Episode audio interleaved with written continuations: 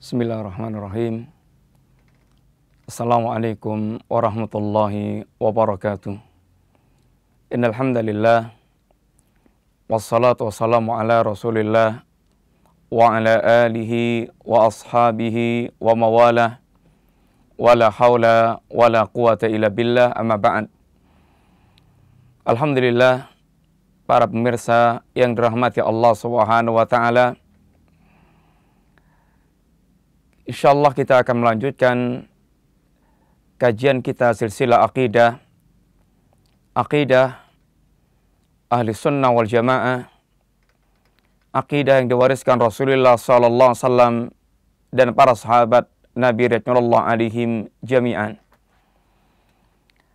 Dalam pembicaraan kita yang lalu kita sedang berbicara tentang nawaqidul Islam beberapa pembatal yang berkaitan dengan Islam yang telah kita sebutkan secara global sebagaimana disampaikan oleh Syekh Muhammad At-Tamimi rahimahullah taala nawaqidul Islam al-asra. Pembatal Islam yang sepuluh atau sepuluh pembatal Islam dan kita telah menyampaikan pembatal yang pertama itu asyirku fi ibadatillah kesyirikan dalam hal beribadah kepada Allah Subhanahu wa taala. Yang kedua, man ja'ala bainahu wa bainallahi wasail. Yad'uhum wa yas'aluhum syafa'ah wa yatawakkalu alaihim ini barang siapa yang dia menjadikan antara dia dengan Allah Subhanahu wa taala perantara. Perantara dalam beribadah. Mengangkat perantara dalam perkara ibadah. Sehingga dia tidak tujukan ibadah langsung kepada Allah Subhanahu wa taala akan tapi dia belokkan atau dia tujukan kepada perantara tersebut dia berdoa kepadanya dia meminta syafaat kepadanya dan dia bertawakal kepadanya. Yang tujuannya dalam rangka untuk mendekatkan diri kepada Allah Subhanahu wa taala sedekat-dekatnya. Sesungguhnya pembahasan yang pembatal yang kedua ini merupakan bagian daripada pembatal yang pertama yaitu asyirku fi ibadatillah. Karena sungguhnya meminta kepada perantara tersebut meminta syafaatnya kepada perantara tersebut dan bertawakal kepada perantara tersebut ini merupakan hak Allah Subhanahu wa taala. Yang tidak boleh diminta kecuali Allah tidak boleh diminta syafaat kecuali Allah dan tidak boleh ditawakali kecuali Allah Subhanahu wa taala. Akan tapi poin yang kedua ini disendirikan oleh Syekh dalam rangka untuk menegaskan tentang pentingnya kesyirikan dalam bentuk ini karena inilah yang banyak terjadi di tengah-tengah kaum muslimin yang mereka banyak terkena berbagai macam kerancuan-kerancuan pemikiran sehingga banyak yang kabur yang tidak memahami bahwa mengangkat perantara merupakan perkara kesyirikan yang justru merupakan hakikat kesyirikan orang-orang jahiliyah pada zaman Rasulullah Sallallahu Alaihi Wasallam. Maka dalam rangka untuk memperjelas dan menegaskan tentang dua pembatal Islam yang telah kita lalui ini, nampaknya sangat baik apabila kita mengangkat risalah yang singkat yang pernah disampaikan oleh Syekh Muhammad At-Tamimi rahimahullah taala yang dikenal dengan risalah beliau dalam Al-Qawaidul Arba.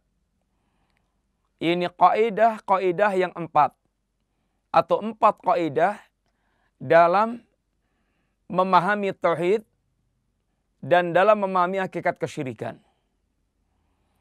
Yang empat kaidah ini tentu terambil dari kitab Al-Quranul Kirim dan dari as-sunnah an-nabawiyah dan dari sirah sejarah nyata yang ada pada masyarakat jahiliyah di zaman Rasulullah Shallallahu Alaihi Wasallam. Para pemirsa yang dirahmati Allah Subhanahu Wa Taala, dalam risalah Al-Qawaidul Arba, Syekh Muhammad At-Tamimi sebelum beliau menyebutkan tentang empat poin kaidah penting yang perlu kita fahami. Beliau memberikan mukadimah. Yang pertama, mukadimah dalam bentuk doa. Yang beliau sampaikan, yang, yang beliau peruntukkan kepada setiap kaum muslimin. Kepada kita semuanya. Kepada mad'u atau kepada membaca risalah beliau. Sebagaimana ungkapan beliau dalam awal risalah beliau As'alullah al-Karim Rabbal Arshil Azim ayyatawallaka fid dunya wal akhirah wa ayaj'alaka mubarakan aynama kunta wa ayaj'alaka mimman idza u'tiya syakara wa idza btuliya sabara wa idza atnaba istaghfara Fa inna haula'i thalath unwanu sa'ada.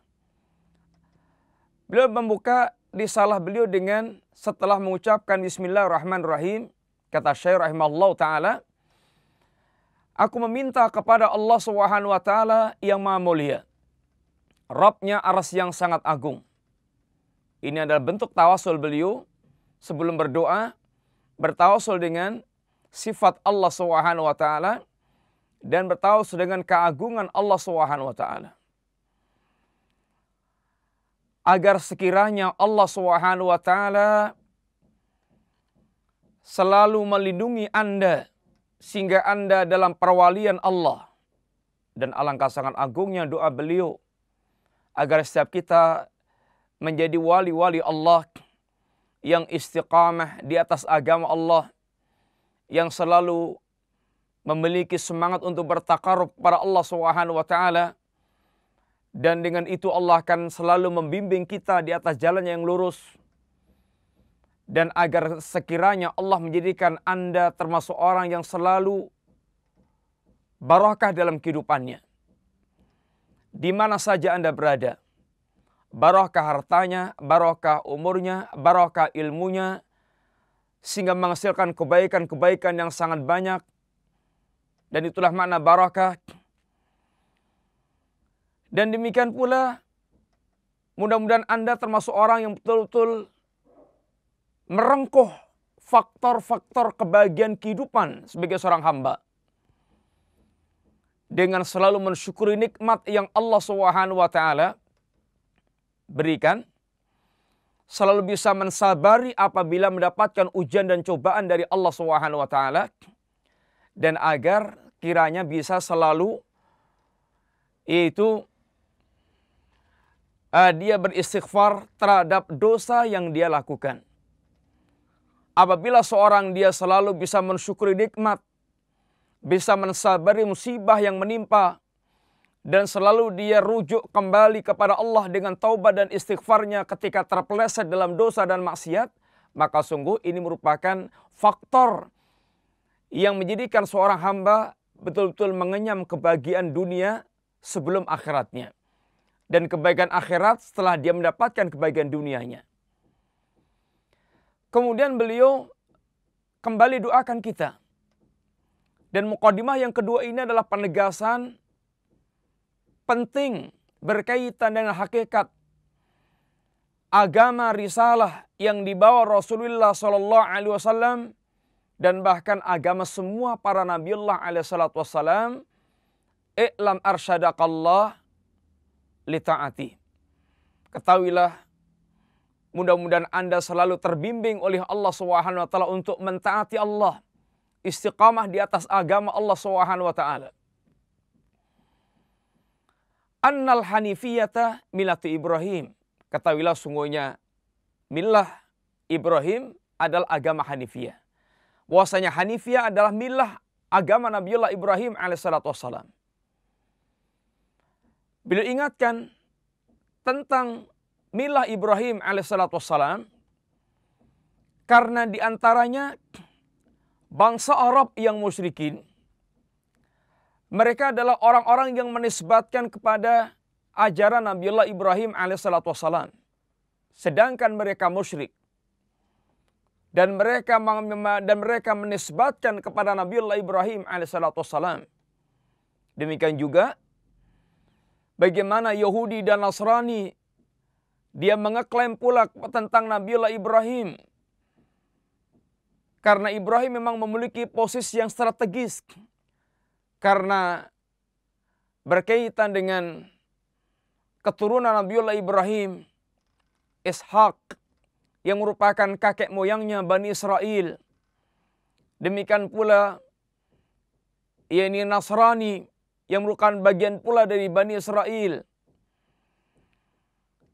yang mereka mengeklaim tentang Nabiullah Ibrahim adalah beragama dengan agama mereka. Sehingga ditegaskan oleh Allah Subhanahu wa taala, "Maka Ibrahimu Yahudian wala Nasranian." Bukan tidaklah Nabiullah Ibrahim, bukanlah Nabiullah Ibrahim itu seorang Yahudi atau seorang Nasrani. Walakin kana hanifan musliman akan tapi Nabiullah Ibrahim adalah seorang yang hanif, seorang yang muslim. Sehingga beliau katakan, beliau ingatkan kepada kita tentang milah Ibrahim. Apa itu milah Ibrahim? Ini anta budallaha mukhlisan lahuddin. Yaitu Anda beribadah kepada Allah Subhanahu wa taala dengan mengikhlaskan ibadah itu semata-mata untuk Allah sehingga kita diingatkan dengan asas tauhid, ajaran para Nabiullah alaihissalatu wassalam, Nabiullah Ibrahim, sampai Nabiullah Muhammad SAW, dan bahkan kepada seluruh Nabiullah alaihissalatu wassalam yang lainnya. Dan ini telah kita bahas dalam pembicaraan, yaitu pembahasan-pembahasan yang telah lalu berkaitan dengan ini perkara-perkara tauhid yang perlu kita fahami. Kemudian Beliau tegaskan sebagaimana ayat Allah Subhanahu wa taala wa ma khalaqtul jinna wal insa illa liya'budun. Tidaklah aku ciptakan jin dan manusia kecuali agar mereka beribadah kepadaku, kata al-Imam, kata sahabat Ibn Abbas radhiyallahu anhuma, liya'buduni ay liyuwahiduni. Liya'buduni maksudnya lah agar mereka mentauhidkan Allah Subhanahu wa taala sehingga ibadah yang ditauhidkan kepada Allah Subhanahu wa taala. Kemudian beliau tegaskan idza arafta anna Allah khalaqaka li fa'lam annal ibadata la tusamma ibadah illa ma'at tauhid kama anna salah la tusamma salah illa ma'at taharah. Ketahuilah kalau Anda telah tahu sekarang bahwasanya ibadah ya, sesungguhnya Allah menciptakan Anda adalah agar Anda beribadah kepada Allah Subhanahu wa taala. Maka ketahuilah sekarang kata beliau bahwa ibadah Anda tidak dikatakan ibadah kepada Allah Subhanahu wa taala kecuali ibadah Anda Anda tauhidkan kepada Allah Subhanahu wa taala. Sehingga tidak dikatakan ibadah kecuali dengan tauhid sebagaimana tidak dikatakan salat kecuali dengan taharah. Idza dakhala syirku fil ibadah fasadat sehingga apabila syirik itu memasuki wilayah ibadah yang Anda lakukan, rusaklah ibadah Anda. Artinya orang yang mereka beribadah kepada Allah akan tetapi dia menyekutukan Allah, maka dia dianggap tidak beribadah kepada Allah Subhanahu taala. Oleh karena itulah orang-orang musyrikin sekalipun mereka memiliki amal-amal ibadah kepada Allah Subhanahu taala, mereka memiliki doa, mereka memiliki ini tawaf, haji, tahunan, dan mereka memiliki amal-amal ibadah yang lainnya. Akan tapi karena mereka juga menyekutukan Allah dalam hal ibadah, mereka dianggap orang tidak memiliki ibadah kepada Allah SWT. Sehingga Allah pun memanggil, Ya ayuhal kafirun, wahai orang-orang kafir. Karena ibadah yang kemasukan syirik rusak kal hadath idza dakhala uh, tahara fitaharah. Sebagaimana hadas apabila dia menimpa wudhu yang dia miliki. Orang wudhu kemudian dia berhadas, batal wudhu dia. Tidak dia dianggap tidak memiliki wudhu. Sebagaimana ibadah kalau kemasukan syirik maka dia tidak dia dianggap tidak memiliki ibadah, dia tidak beribadah kepada Allah Subhanahu wa taala. Arafta, sekarang Anda telah tahu ini penegasan. Sehingga beliau membimbing satu persatu, poin per poin. Anda sekarang telah tahu bahwasanya ibadah itu kalau dia disertai syirik akan rusak sebagaimana rusaknya taharah kalau dia berhadas. Sekarang Anda tahu inna inna syirka idza khalatal ibadah afsadaha Apabila sekarang Anda tahu bahwasanya syirik itu apabila dia mencampur ibadah, dia akan merusak ibadah tersebut. Wa batal amala dan akan membatalkan seluruh amal-amal. Apabila Anda telah mengetahui yang demikian, orang yang mereka beribadah kemudian dia melakukan syirik, maka syiriknya itu akan merusak ibadah dia bahkan membatalkan seluruh amal-amal dia wasara sahibuhu minal khalidina finnar dan pelakunya itu dia termasuk orang kekal di dalam neraka. Ini merupakan poin yang sangat penting beliau ingatkan kepada kita. Dalam rangka mengantarkan agar jangan sampai ibadah yang kita lakukan tercampur dengan perbuatan kesyirikan. Kemudian beliau tegaskan lagi arafta anna ahamma ma'alika ma'rifatu dhalik. Apabila Anda telah mengenal bagaimana bahayanya kesyirikan ketika mencampuri ibadah, maka yang sekarang yang sangat penting untuk betul-betul Anda kenal adalah ini perkara yang sangat bahaya ini. La'allallah la'allallah yuhallisaka min hadis syabakah wa ya asyirku billah alladhi qala Allah ta'ala innallaha la yakfiru ayyusraka bih wa yakfiru maduna dzalika lima yasha. Sekarang setelah apabila Anda telah faham betul tentang bahayanya kesyirikan, maka yang paling penting buat Anda sekarang adalah mengenal hakikat syirik yang mudah-mudahan Allah melepaskan Anda, membebaskan Anda dari jaring-jaring kesatan syirik sehingga tidak masuk dalam perangkat kesyirik sedangkan Anda tidak sadar karena tidak tahu.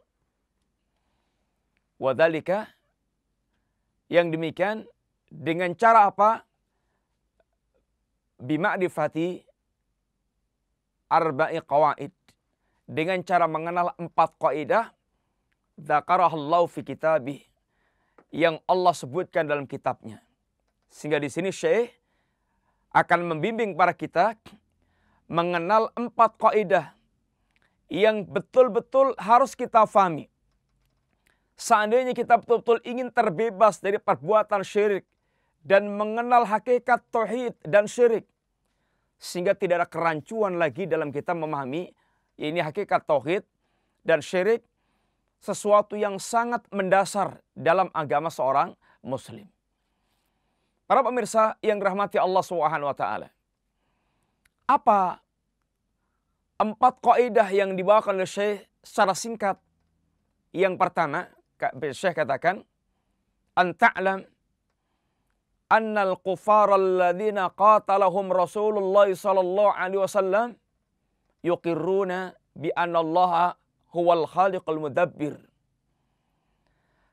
Ketahuilah, perlu Anda tahu bahwasanya orang-orang musyrik, orang-orang kafir Quraisy yang mereka diperangi Rasulullah Shallallahu Alaihi Wasallam ini bukan seorang ateis, mereka bukan orang-orang ateis, bukan orang yang tidak mengenal Allah, Bahkan mereka adalah orang yang betul-betul meyakini dengan se, dengan setulus hatinya bahwasanya Allah Subhanahu wa taala itu benar-benar Al-Khaliq Al-Mudabbir. Allah itu sang pencipta, Allah itu sang pengatur alam jagat raya. Para pemirsa, keyakinan-keyakinan tentang Allah Al-Khaliq, Allah sang pencipta, Allah sang pengatur, Allah sang pemberi rezeki, ini belum menjadikan kita dianggap telah bertauhid kepada Allah Subhanahu wa taala. Ini poin yang pertama yang berkaitan dengan apa kaidah yang pertama yang harus kita fahami dalam rangka untuk mengenal betul hakikat tauhid dan hakikat kesyirikan. Insyaallah kita sambung dalam pembicaraan yang berikutnya biidznillah dan kita cukupkan dulu Mudah-mudahan manfaat. Muhammadin wa ala wasallam. Warahmatullahi wabarakatuh.